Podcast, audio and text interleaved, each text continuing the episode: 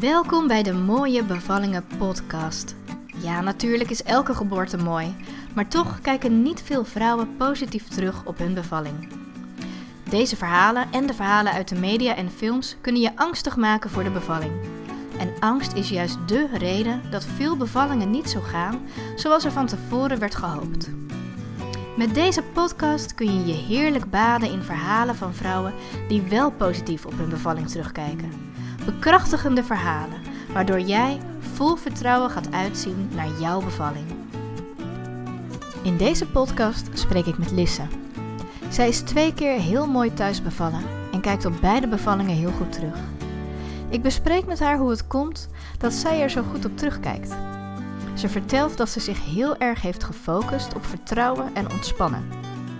Ook keek ze heel erg uit naar de ontmoeting met haar kindje, in plaats van op te zien tegen de bevalling. Tijdens de persfase had ze heel veel aan een tip vanuit de yoga: het visualiseren van een buis in je lichaam. Wat je je daarbij moet voorstellen? Je hoort het in deze podcast. Welkom weer bij de Mooie Bevallingen podcast. En vandaag spreek ik met Lisse. En zou je jezelf eens willen voorstellen uh, wie je bent, wat je doet en uh, ja, over welke bevallingen jij gaat vertellen vandaag? Ja, zeker. Ik ben uh, Lisse, ik ben 28 jaar, moeder van twee kinderen. Een zoontje Wolf van drie, of bijna drie moet ik zeggen. En een dochtertje Lotus van bijna één. en ik werk als vertaler, tekstschrijver en hondentrainer, een heleboel. Dus um, ja, en ik ga vertellen over beide bevallingen eigenlijk. Ik heb twee super mooie bevallingen gehad, waar ik allebei heel goed op terugkijk. Wel heel verschillend in hoe ik er naartoe heb geleefd, maar ja, allebei echt super mooi. Ja. Oké. Okay. Kan je eens heel globaal vertellen hoe je, de, ja, hoe je bevalling hebt ervaren? Dus samenvattend, hoe heb je de bevalling ervaren? Ehm, mijn eerste bevalling, uh, als, ik, als ik die heel kort moet samenvatten, denk ik aan, uh, aan heel veel trots. Uh, omdat ik daar best wel heel erg tegen opzag. Um, en ik altijd best wel um, ja, negatieve verhalen hoorde over bevallingen. En nadat mijn zoontje geboren was, dacht ik echt: wauw, ik, ik ben een oervrouw dat ik dit gedaan heb. Ik was super trots op mezelf, dus dat overheerste heel erg. En mijn tweede bevalling zou ik omschrijven met het woord rust, denk ik. Dat maakte hem ook meteen heel mooi. Ja. Rust, ja, dat is niet een woord wat heel veel vrouwen gebruiken als ze hun bevalling omschrijven.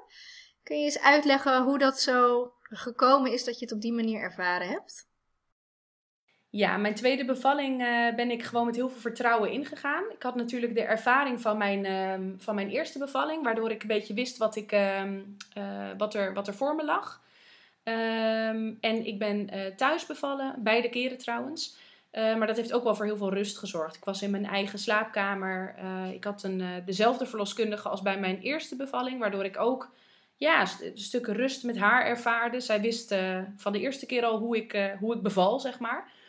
Um, dus ja, dat, dat alles bij elkaar eigenlijk, het ging ook goed. Ik had vertrouwen in mijn lichaam. Ik denk dat het een, een optelsom was van heel veel verschillende dingen, maar vooral het stukje vertrouwen in mijn lichaam, de ervaring van de eerste bevalling. Waardoor ik, uh, waardoor ik heel veel rust voelde. Ja. Mooi. Hoe heb jij, um, ja, hoe merkte je dat de bevalling begonnen was? Uh, bij mijn eerste bevalling uh, heb ik daar echt honderdduizend keer over getwijfeld. Um, ik weet dat heel veel mensen altijd zeggen van ehm, op het moment dat je weeën krijgt, dan weet je echt wel dat het begonnen is. Hè? Als je echte weeën krijgt, dan heb je dat echt wel door. Nou, dat was bij mij helemaal niet het geval. Bij, mijn, nou ja, bij mijn zoontje heb ik echt een week lang gedacht het is begonnen. Ik heb zelfs een hele nacht gedacht het is begonnen. En uiteindelijk is hij pas met 41 weken en één dag geboren. Um, ik, ik, het was heel onduidelijk. Uiteindelijk ben ik uh, midden in de nacht gaan douchen, omdat het wel wat rommelde. Ik was uh, met 41 weken gestript. dus het was wel aannemelijk nou ja, dat er wel binnen, binnen korte tijd wat zou gaan gebeuren. En ja, ik, het was wat gaan rommelen en ik ben toen gaan douchen. Omdat mijn verloskundige had gezegd van... joh, op het moment dat je gaat douchen... vaak ga je, ben je dan wat meer ontspannen en nemen de weeën dan wat meer toe. Dus dat ben ik gaan doen. En um, uh, nou, toen twijfelde ik wederom of het begonnen was. En heeft mijn man de verloskundige gebeld en die is gekomen. En die zei toen van, nou, dit is echt wel begonnen. Dus het was meer de bevestiging van de verloskundige dat ik door had dat het begonnen was. En bij mijn dochtertje, bij de tweede bevalling, eh, begon het eigenlijk ook vrij vaag met hele milde weeën. Maar herkende ik het wel van de vorige keer. Dat was het verschil. Waardoor ik, ik had toen een afspraak bij de verloskundige om 9 uur, maar die heb ik om half negen afgebeld. Omdat ik zei van, ik denk uh, dat dit hetzelfde gaat als vorige keer. Dat het heel mild begint, maar dat het wel begonnen is. over je eerste bevalling. Het moment dat je niet zeker wist of nou de bevalling was begonnen. Was dat omdat het nog echt van die oefenweeën waren? Of um, was het niet krachtig nog genoeg? Waarom twijfelde je daaraan? Uh, het laatste, het was niet krachtig genoeg. Um, of wel krachtig genoeg, want ik ben beide keren heel snel bevallen. Dus het, uh, de weeën deden voldoende. Um, maar ik denk dat ik gewoon de hele ontsluitingsweeënfase best wel als heel mild heb ervaren. Uh, ik, had, ik had verwacht dat dat echt heel erg vreselijk zou zijn. Ik had altijd gehoord van mensen, die ontsluitingsweeën die, die doen heel veel pijn. Het is heel vervelend, want je kunt niks. Je kunt ze alleen maar wegzuchten. En als je persweeën krijgt, dan wordt het, nou ja, hè, prettig. Um, want dan mag je, wat, mag je mee gaan doen. Dan kun je wat doen.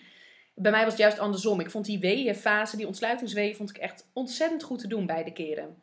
Uh, het deed wel pijn, maar ik had echt, uh, ja, ik had gewoon veel meer pijn verwacht. Veel meer heftigheid. Dat viel echt reuze mee. Ja, bijzonder. Is dat ook iets wat in jouw familie voorkomt? Of um, heb je meerdere mensen in je omgeving die op die manier zo de bevalling hebben ervaren? Nou, niet per se dat ik weet. Ik heb wel uh, tijdens mijn eerste zwangerschap me heel erg verdiept in ontspannen bevallen. Omdat ik dus best wel gespannen was voor de bevalling. Uh, en ik was door de twee miskramen die ik voor mijn zoontje had gekregen ook wel het vertrouwen in mijn lichaam kwijtgeraakt. Zeker omdat beide miskramen ook moesten um, worden afgesloten met een, uh, met een ziekenhuisingreep. Dus dat maakte best wel dat ik ja, het vertrouwen in mijn lichaam kwijt was. Omdat ik dacht, ja, mijn lichaam kan het, kan het niet zelf. En zo ging ik eigenlijk ook van tevoren of tijdens mijn zwangerschap leefde ik ook op die manier een beetje naar mijn bevalling toe. En um, ik vond dat heel onprettig. Want ik dacht, als ik al met wantrouwen in mijn eigen lichaam een bevalling inga, dan kan het nooit, uh, kan het nooit een succesverhaal worden.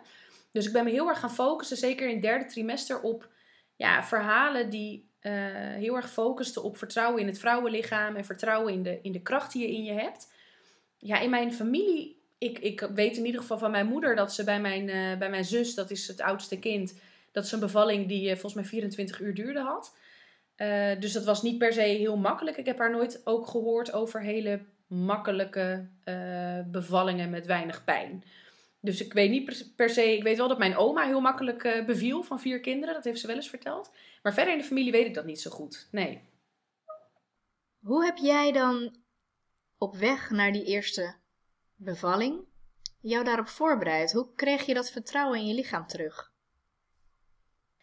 Ik heb sowieso heel veel gelezen online. Ik heb heel veel positieve bevallingsverhalen opgezocht. Ook best wel veel bevallingsvideo's gekeken online. Omdat ik me er ook een beetje een voorstelling van wilde maken. Hoe zo'n bevalling, een mooie bevalling, uh, eruit kan zien. Mm, maar ik merkte ook wel, uh, dat vond ik ook wel maf om te merken naarmate je verder komt in je zwangerschap en dichter bij het einde komt, kom je ook op een punt dat je gewoon heel graag wil bevallen. En dat had ik niet verwacht, omdat, je, omdat het niet logisch klinkt dat je bevallen graag wil. Omdat je natuurlijk altijd gehoord hebt dat dat heel veel pijn doet. Maar het was ook echt wel zo. Met 40 weken wilde ik echt heel graag mijn zoontje ontmoeten. En ja, ging ik gewoon een soort van verlangen naar de bevalling. Mm, dat hielp mij ook wel heel erg om er positief in te stappen. Want ik ging het steeds meer zien als de de ontmoeting met mijn zoontje in plaats van een heel pijnlijk moment. Ik denk dat dat, dat ook wel heel veel uitmaakte. Dat is denk ik wel een hele mooie manier om er naartoe te leven. Het ontmoeten van je kindje in plaats van die angst voor wat er allemaal gaat gebeuren.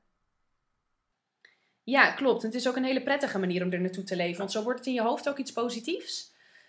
En dan stap je er ook ja, eh, hè, wat ik zei, verhalen lezen uh, van vrouwen die een positieve ervaring hadden. Heel erg veel lezen over de kracht van het vrouwenlichaam. Het maakt gewoon dat je erin stapt met het idee van ja, maar dit kan ik. Hier is mijn lijf gewoon voor gemaakt. Ja, als je er zo instapt, dan doet dat denk ik al een heleboel met je, uh, met je eigen, uh, met hoe ontspannen je bent. En ik denk dat hoe ontspannender je bent tijdens een bevalling, hoe ja, makkelijker het ook gaat.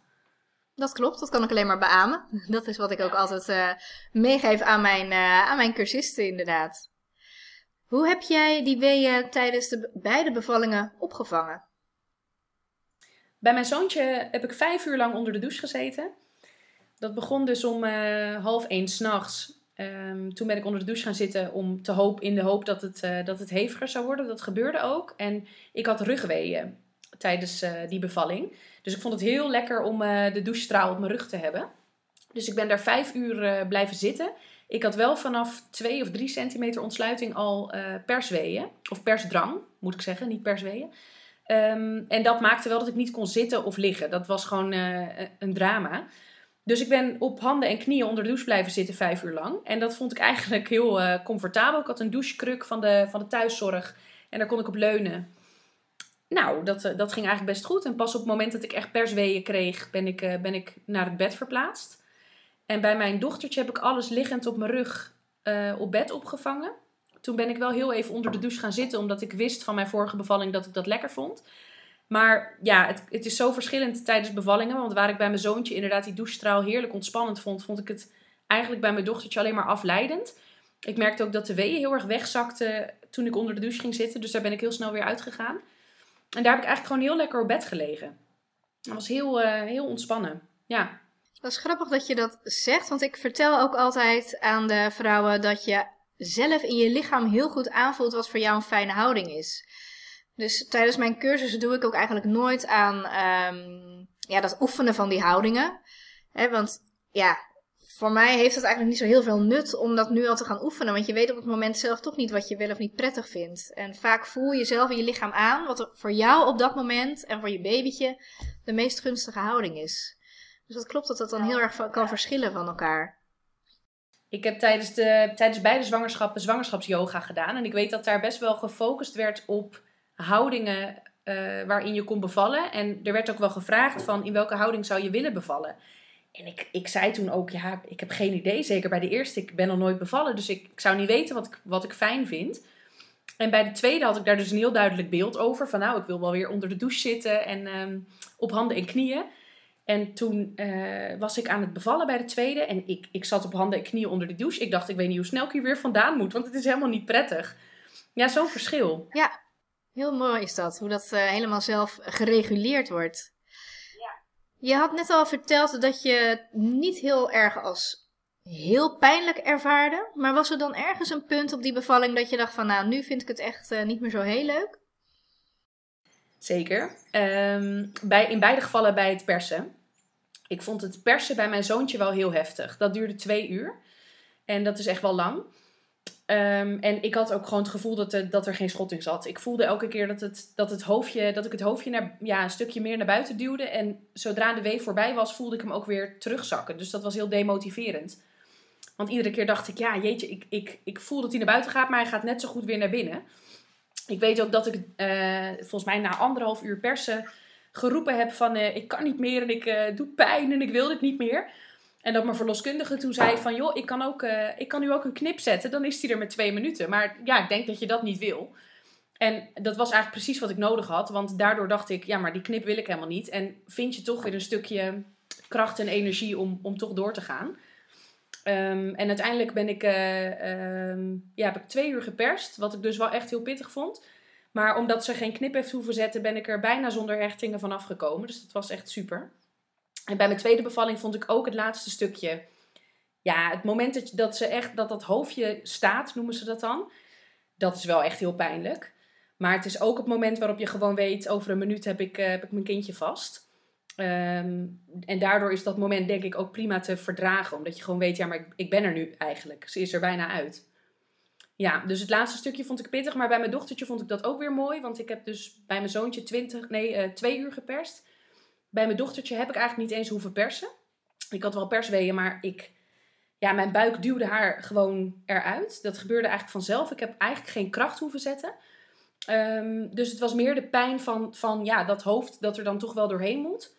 Maar ja, dan, dan ben je er ook eigenlijk al. Dus dat maakt dat het ook wel weer, toch wel ook wel weer een heel mooi moment is.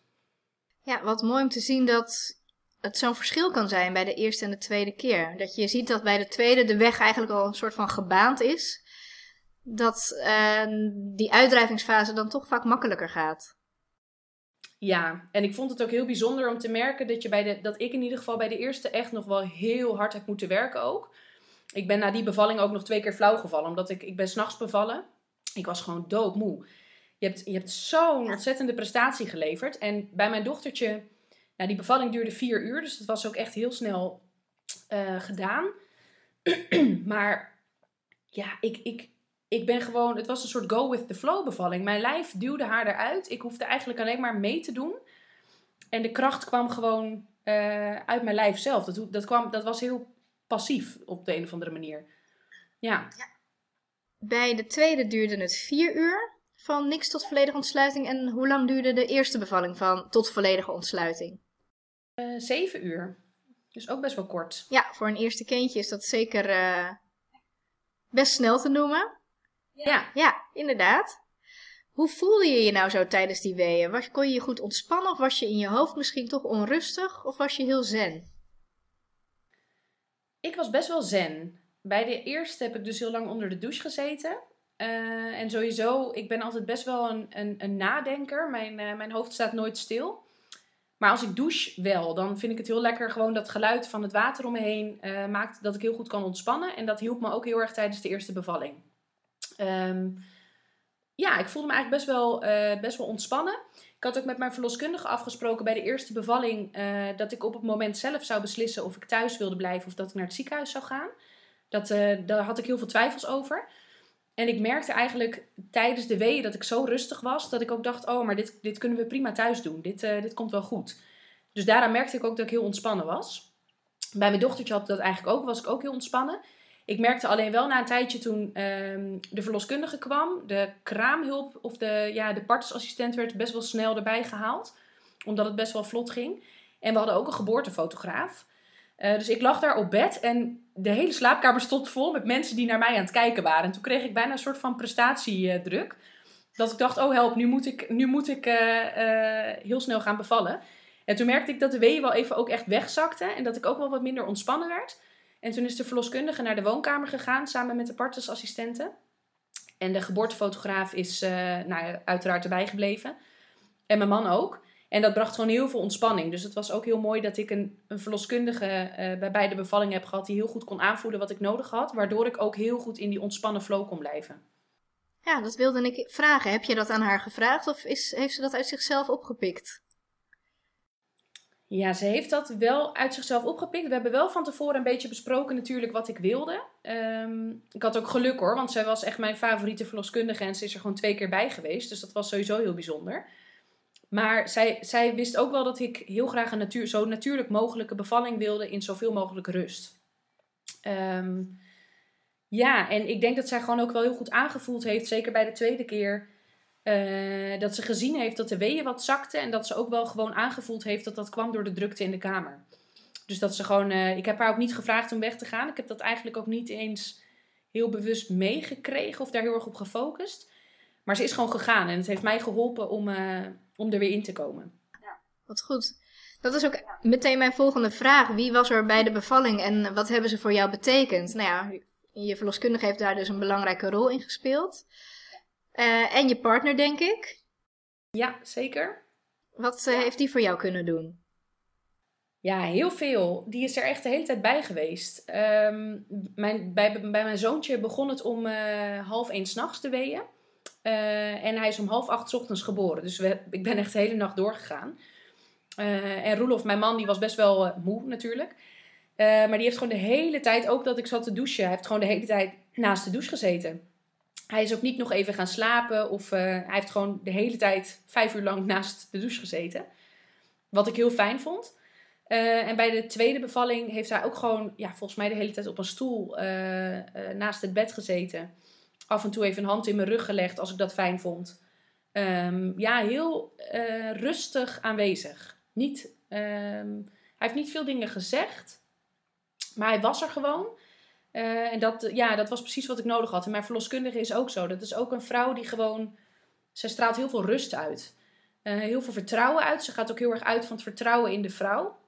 Waardoor ik ook heel erg dacht, ja, maar als jij in mij vertrouwt, dan ben ik gek als ik niet in mezelf vertrouw. Ja, mooi gezegd inderdaad. En ik denk dat uh, zo'n liefdevolle aanwezigheid uh, heel belangrijk is. Dat een partner gewoon er voor jou is. En dan hoef je misschien niet eens heel veel te doen. Maar gewoon al ja, er zijn. Dat je je gesteund voelt. Dat is vaak wel heel belangrijk voor uh, een vrouw tijdens de bevalling. Klopt, ja. En ook juist doordat iemand er wel is, maar zich verder niet echt um, je heel actief opstelt, heb je ook heel erg het gevoel als vrouw dat je je eigen tempo mag volgen. En dat het ook mocht gaan zoals ik het wilde. Um, ja, dat, dat vond ik heel fijn. Hoe en wanneer zijn jouw vliezen gebroken? Ja, ze zijn beide keren gebroken door de verloskundige. uh, nee, trouwens, dat zeg ik niet helemaal goed. Bij mijn zoontjes zijn ze gebroken door de verloskundige toen ik, uh, ik denk, 8 centimeter ontsluiting had. Uh, en ik best wel tegen die persweeën aan zat te hikken. Um, en en ik, ja, ik bleef een beetje hangen volgens mij op dat punt, rond 8 centimeter. En toen zei ze, ik ga nu je vliezen breken, want dan kunnen we naar de volgende fase gaan. Uh, dus dat, dat heeft ook geholpen. En bij mijn dochtertje, zij is geboren ja, met de helm op, noemen ze dat. Dus haar hoofdje zat nog in de vliezen. En de vliezen zijn gebroken toen zij haar met, uh, met haar schoudertjes eruit kwam. En het was wel mooi, want de verloskundige heeft nog aan mij gevraagd, uh, toen ik volgens mij 5 of 6 centimeter ontsluiting had, van wat wil je? Wil je dat ik je vliezen breek? Of uh, wil je dat, ik het, dat, ik, dat we het gewoon zo laten gaan? En de bevalling ging best wel vlot en ik merkte aan mezelf dat ik, het ging al best wel snel en ik, ik was nog niet helemaal op het punt dat ik dacht, ik ben er klaar voor om, om, om haar op de wereld te zetten. Ik wilde nog even wennen aan het idee dat ik überhaupt aan het bevallen was. Dus ik zei, laat, er maar, laat die vliezen maar zitten. Want als je nu mijn vliezen breekt, gaat het denk ik best wel snel. Uh, dus we hebben ze laten zitten. En de ge geboortefotograaf was daar achteraf heel blij mee. Want die wilde dolgraag nog een keer een kindje fotograferen dat, nou ja, in ieder geval met het hoofdje in de vliezen geboren zou worden. Dus die was uh, helemaal gelukkig. Um, maar dat hebben we dus ook zo gedaan. En nou ja, ik, ik weet niet, misschien had de verloskundige verwacht dat ze eerder alsnog zouden breken. Maar uh, ja, ze werd heel mooi met haar, met haar hoofdje in de vliezen geboren. Ik wou net zeggen, daar zal de fotograaf wel hele mooie plaatjes van hebben gemaakt. Ja, het is echt super bijzonder. Want je, ja, je ziet echt nog hoe zij, ja, je ziet gewoon hoe zij in mijn buik gezeten heeft. In dat vlies met dat vruchtwater nog om haar heen.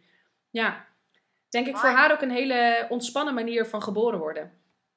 Absoluut, ja. Ik heb ook wel eens uh, ergens gelezen dat in sommige culturen um, kindjes die met een helm op geboren worden als een soort uh, heilige daarna worden beschouwd. Dat het echt een hele zeldzame, bijna spirituele gebeurtenis uh, is in die zin.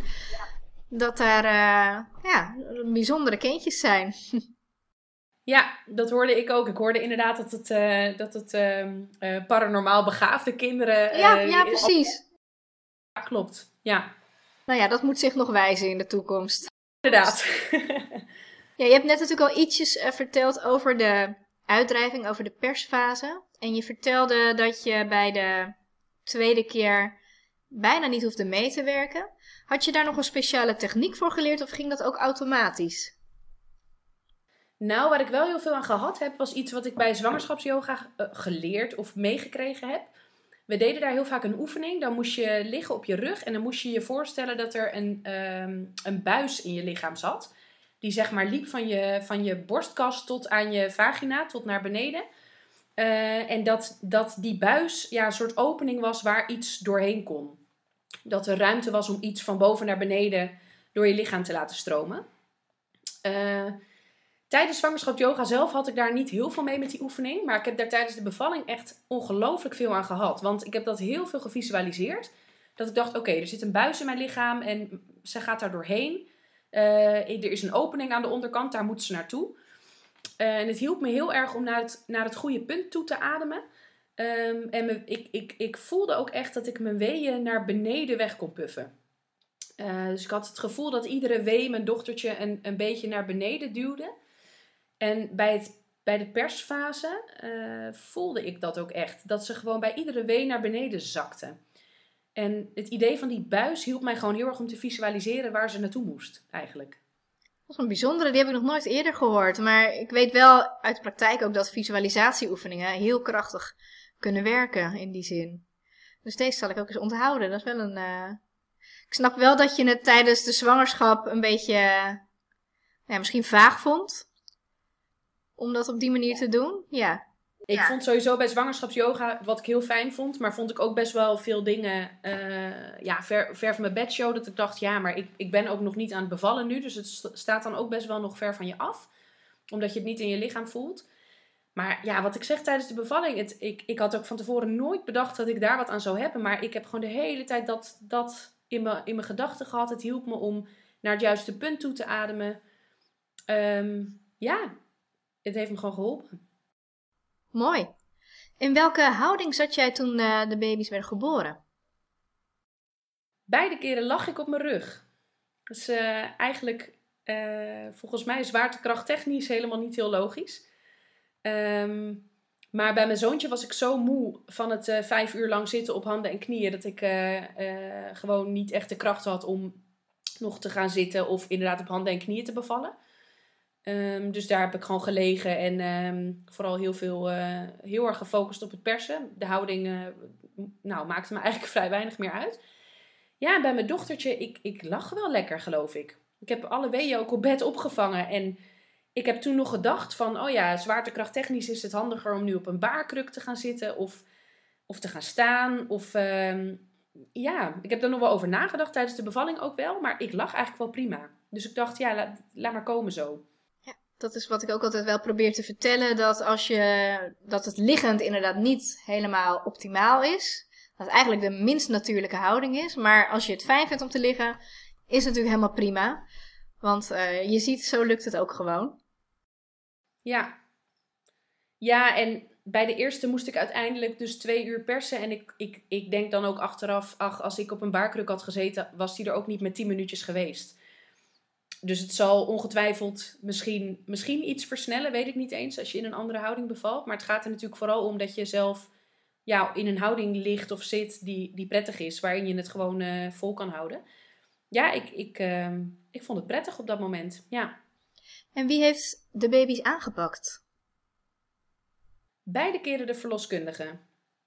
Ja, ik uh, heb er daar van tevoren heel kort nog met mijn man over gehad. En die had eigenlijk zoiets van, nou, laat de verloskundige maar de baby aanpakken. En ja, dat was ook wel, was ook wel prima. Ik, uh, ook omdat ik, omdat ik lag. Uh, je moet dan best wel ver naar voren natuurlijk om, uh, om je baby aan te pakken. Achteraf uh, denk ik wel eens ook, had ik wel mooi gevonden om de baby zelf aan te pakken. Maar nou, ik kreeg ook meteen, uh, meteen op mijn borst. Dus, uh, ja, precies. Daarna lekker op de borst. En is dat ook een uur zo lekker bij jou gebleven? Of hoe is dat eerste uurtje gegaan? Had je je daar van tevoren ook wat over ingelezen? Ja, ik had echt bedacht, daar was ik ook wel heel stellig in hoor, beide keren. Ik dacht echt, ik wil gewoon mijn baby uh, heel lang bij me op de borst. Ik wil geen haast. wassen en bed verschonen komt allemaal daarna wel, maar ik wil gewoon eerst minstens een uur met mijn baby op bed liggen. En dat heb ik beide keren ook gedaan. Ik moet zeggen, bij mijn dochtertje wel iets bewuster dan bij mijn zoontje. Bij mijn zoontje was de bevalling zo. Ehm, ja, dat persen was gewoon heel zwaar. Ik had natuurlijk een nacht lang doorgewerkt, dus ik was echt heel moe. Dus ik kan me daar wat minder van herinneren. Ik kan me wel nog herinneren dat ik hem op mijn borst kreeg en dat ik dacht: wow, oké, zo ziet een kind van, van ons er dus uit. Wat, ja, dat, vond ik heel bijzonder. Ehm, en ik heb wel heel lang met hem tegen me aangezeten en meteen. Uh, meteen aangelegd uh, met, met behulp van de kraamzorg. Um, en bij mijn dochtertje heb ik het heel bewust ervaren. Ik heb haar echt op mijn borst bij me gekregen en ik, ik denk dat ik daar wel anderhalf uur gelegen heb. Dat was echt heerlijk. Ja, en ook, uh, ook bij haar meteen aangelegd aan mijn borst. En zij dronk ook meteen heel goed. Uh, dus het was een hele ontspannen start. Ja.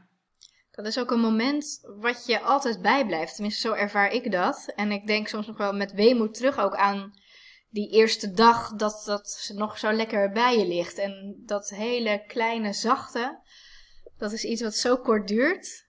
Dat is iets wat je, waar je echt ten volste van uh, moet genieten eigenlijk.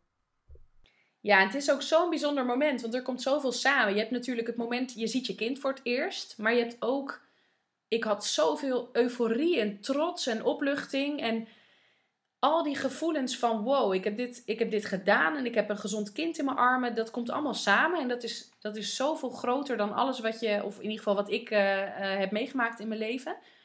dat het een, het was echt een explosie van, van positieve gevoelens. Ja, en dat, daar kan ik ook inderdaad nog wel eens met weemoed aan terugdenken hoor. Dat ik denk, oh, dat, dat, dat maak je eigenlijk alleen maar op zo'n moment mee. Je zou bijna nog een kind moeten krijgen als je het nog een keer, of bijna, je, je moet eigenlijk weer een kind krijgen om dat nog een keer mee te maken, ja. Ja, dat klopt. Ja, het is. Uh... Soms zeg ik wel eens, ik wil het allemaal nog wel eens een keertje beleven, maar ik weet niet of ik nog wel dan een, een, een kindje wil, zeg maar. ja, niet dat ik ze niet leuk vind, maar meer om het, uh, om het idee erbij. Ja, nou inderdaad. Ja, wij, ik, ik hoop wel heel erg dat er ooit nog een keer een, uh, een derde komt bij ons. Dus in die zin uh, kijk ik er nu alweer naar uit dat ik dan nog een keer mag. Maar um, ja, ik, inderdaad, wat je zegt, het, uh, alles wat daarna komt is een stuk, eigenlijk een stuk pittiger dan de bevalling. Qua slapeloze nachten en... Nou, precies. Precies ja. dat ook, ja. En hoe is de placenta geboren? Bij Wolf, bij mijn zoontje, is eerst de navelstreng doorgeknipt. Um, en duurde het best wel lang voordat de placenta kwam. Uh, en die is toen echt uiteindelijk met een enorme explosie uh, eruit gekomen. Dus er zat ook echt bloed op de kledingkast. Dat was echt wel, uh, wel een heel heftige placenta geboorte. En er is toen ook nog een stukje achtergebleven. Dus ik heb, ben daar uiteindelijk nog zeven weken na de bevalling voor naar het ziekenhuis geweest. omdat ik heel heftig bleef vloeien na de, na de bevalling. Um, dus ja, dat was, nou, dat was iets minder. En bij mijn dochtertje hebben we ervoor gekozen om de uh, navelstreng niet door te knippen in eerste instantie. Uh, dus de placenta is geboren terwijl de navelstreng nog niet doorgeknipt was. En wij hebben de navelstreng laten uitkloppen. Uh, of de placenta laten uitkloppen. En dat was eigenlijk iets wat ik van tevoren helemaal niet bedacht had. Maar mijn dochtertje heet Lotus. En toen zij geboren werd, toen uh, vertelden wij natuurlijk uh, wat haar naam was. En toen zei de geboortefotograaf van, oh, ze heet Lotus. Dan is het eigenlijk wel heel mooi om er een lotusgeboorte van te maken. En een lotusgeboorte houdt dan in dat je inderdaad de placenta uh, aan, aan het kindje, met het kindje verbonden laat zijn. Door de navelstreng niet door te klippen. En bij een echte lotusgeboorte hou je volgens mij de placenta iets van een week ehm, daaraan vasthangen. Daar hebben wij niet voor gekozen, maar we hebben hem inderdaad wel laten uitkloppen. Dus ik denk dat hij iets van een half uur, drie kwartier nog uh, aan haar vastgezeten heeft. En daar zijn ook foto's van. Dat zij op het bed ligt met de, met de placenta nog uh, uh, ja, aan haar vast door middel van de navelstreng. Dus ik ben de geboortefotograaf heel dankbaar dat ze daaraan gedacht heeft. Want ik vind dat achteraf wel hele bijzondere foto's. Klopt, dat is ook iets wat je steeds meer hoort. Gelukkig nu steeds bekender wordt wat de voordelen zijn van het laten uitkloppen van die navelstreng. En dan zie je dat gelukkig ook steeds meer, uh, meer terug. Ja, en ik had daar dus van tevoren niet aan gedacht. Ik weet bij mijn zoontje dat ik zelfs uh, eigenlijk die placenta heb, ik volgens mij niet eens gezien. De verloskundige vroeg toen nog van wil je de placenta zien? En toen zei ik nou die hoef ik echt niet te zien hoor. Dat, die heb ik gewoon echt niet gezien. Ik vond dat best wel vies.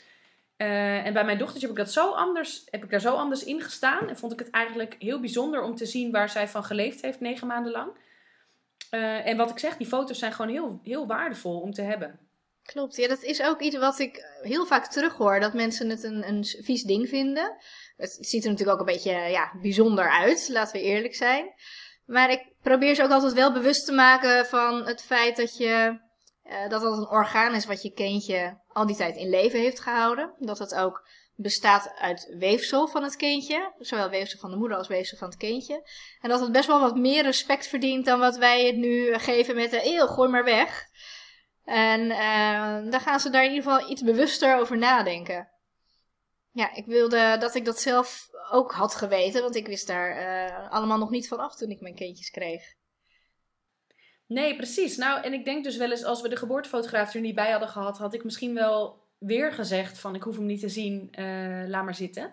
Gooi maar gewoon meteen weg. Dus ik ben haar heel dankbaar dat zij, uh, dat zij met dat idee kwam op het moment zelf. Want ja, uh, ik, ik vond het ook gewoon heel mooi om Lotus zo'n rustige start te geven. Dat ze inderdaad heel lang bij mij heeft gelegen. Um, ze, ze heeft gewoon alle voedingsstoffen nog uit de placenta kunnen halen. Zij was ook een veel kalmere baby dan mijn zoontje de eerste weken was.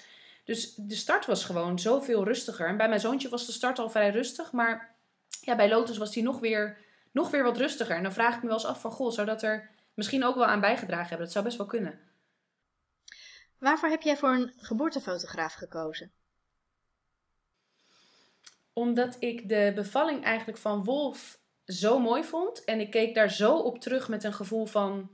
Ik heb daar heel lang best wel veel heimwee naar gehad. Dat klinkt misschien een beetje gek, maar ik heb uh, het eerste half jaar dat Wolf er was... best wel, ik denk wel dagelijks teruggedacht aan de bevalling... en aan dat moment dat je, nou wat ik net al zei... zoveel euforie en trots voelt dat je dat gedaan hebt.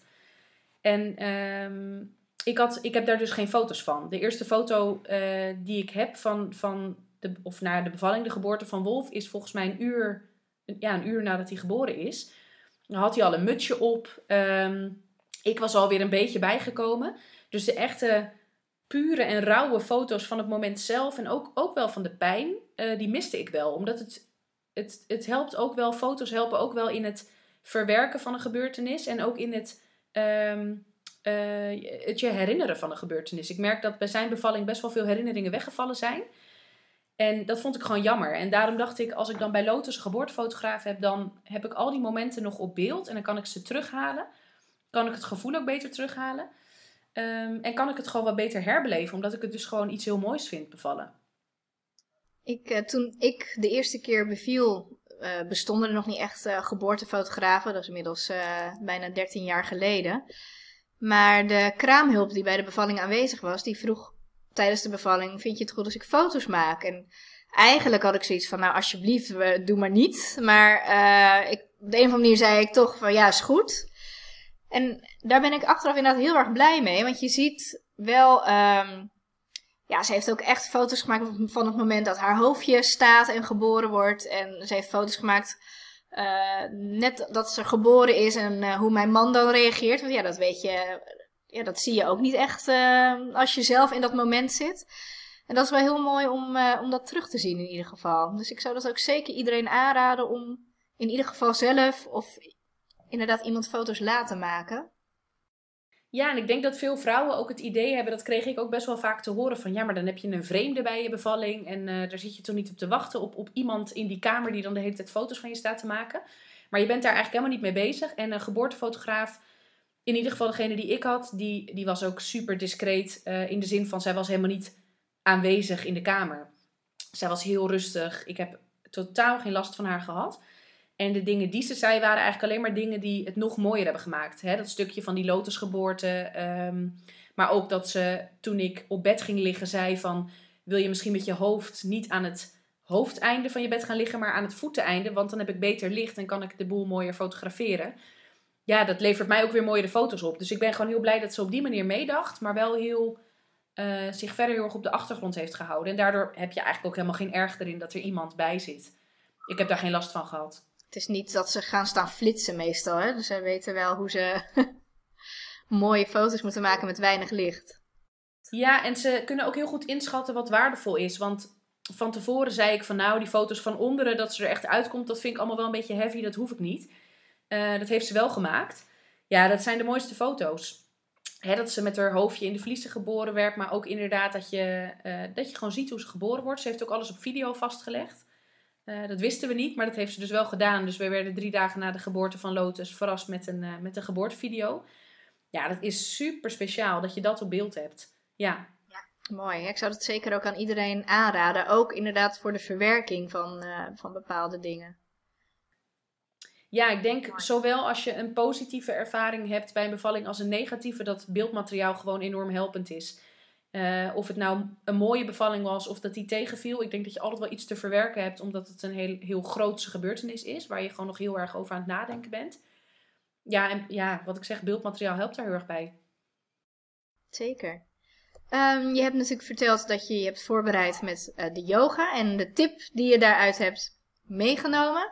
Is er nog iets wat je nou zegt, nou dat vond ik echt heel waardevol tijdens mijn voorbereiding uh, op de bevalling? Mm, ja, uh, misschien een beetje een gekke. Ik heb best wel lang getwijfeld over uh, ziekenhuisbevalling versus thuisbevalling. Uh, zeker bij, of nou eigenlijk alleen maar bij mijn eerste. Um, want ik, ik heb altijd geroepen, als ik ga bevallen, ga ik dat in het ziekenhuis doen. Want als er dan wat gebeurt, dan, um, dan is er een arts in de buurt. En dan, nou ja, dat leek me een, een veilig en prettig idee. Um, maar ik merkte eigenlijk dat ik daar alleen maar uh, banger van werd. Want je gaat dan bevallen met het idee dat er dus wel eens iets mis zou kunnen gaan. en dat is eigenlijk een heel naar uitgangspunt. Want dan ga je dus uit van, ja, van, van, van, alle, van allerlei rampscenario's. Dus ik ben uh, in de laatste weken veel meer gaan neigen naar een thuisbevalling. Ook vanuit het idee van, dan, dan ga ik er veel meer vanuit dat het iets is wat gewoon goed gaat. En wat ik zelf kan. En waar ik geen hulp bij nodig heb van een arts. Uh, en waarvoor ik ook geen pijnstilling nodig heb. Um, die mindset heeft mij heel erg geholpen. Omdat ik er op die manier heel erg vanuit ging dat ik het zelf kon.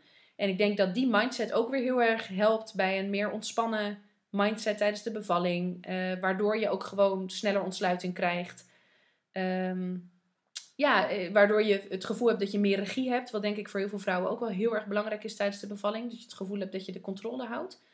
Um, dus de beslissing om uh, thuis te gaan bevallen. Bij mijn zoontje heb ik hem pas op het moment zelf gemaakt. Uh, tijdens de bevalling zelf. Maar ik neigde er wel heel erg naar, omdat ik gewoon merkte dat het me meer ontspanning gaf in mijn hoofd. Ja. Is dat dan ook jouw ultieme tip voor andere aanstaande moeders? Ik denk dat mijn ultieme tip is dat je er vanuit moet gaan dat je lijf ervoor gemaakt is. Um, als je daarin gelooft, dan uh, ga je gewoon met minder angst de bevalling in. Als je, als je erin gelooft dat je het niet kan, ja, dan heb je van alles om bang voor te zijn. Uh, en dan, dan wordt het heel lastig om ontspannen je bevalling in te gaan. Maar als je vertrouwen hebt in je lijf, en ja, miljoenen vrouwen zijn je voorgegaan, uh, je kan het gewoon. Je lijf is ervoor gemaakt. Dus natuurlijk gaat het pijn doen, um, is het misschien overweldigend, maar het idee dat je het kan, dat, ja, dat is gewoon zo en dat, dat helpt echt. Ja. Dus vooral een sterke mindset zonder angst is denk ik uh, een hele belangrijke. Ja, en dat is best lastig hoor, want dat heb ik zelf ook ervaren dat dat best lastig is om de knop om te zetten. Um, maar ja, je komt er ook niet onderuit. De baby moet er toch uit. Dus dan kun je er maar beter ontspannen in staan. Ja. Ja, dat is ook weer een hele nuchtere kijk inderdaad. Moet er toch uit en uh, klopt. Oké. Okay. Is er zelf nog iets wat je tot slot kwijt wil? Dat je zegt, nou dat ben ik nog vergeten te vertellen? Of heb je alles uh, verteld wat je wilde zeggen? Ja, ik denk dat ik alles wel verteld heb. Ik denk, um, nou ja, ik denk dat de samenvatting is dat gewoon een hele mooie... Ik, ik vind het gewoon prachtig dat ik het meegemaakt heb. Twee keer. En ik denk dat iedere vrouw zichzelf uh, moet gunnen om er zo... Um, kijk, natuurlijk kunnen er altijd complicaties zijn, maar... Ja, gun het jezelf om er ontspannen in te staan, want dat, dat is het gewoon waard. Ja. Ja, mooie afsluiting, dankjewel. Dan wil ik je heel hartelijk bedanken voor het delen van jouw uh, mooie verhalen. En uh, ik denk dat daar weer heel veel vrouwen door geïnspireerd raken om uh, ook op deze wijze naar de bevalling toe te leven. Ik hoop het ook. Jij ook bedankt. Ik vond het heel leuk om te doen. Bedankt voor het luisteren naar de Mooie Bevallingen podcast. Kijk voor nieuws en tips op mijn Instagram, Esther Koppelaar Geboortecoach of Elements of Birth. En wil jij ook zo'n mooie bevalling beleven? Neem dan eens een kijkje op www.elementsofbirth.nl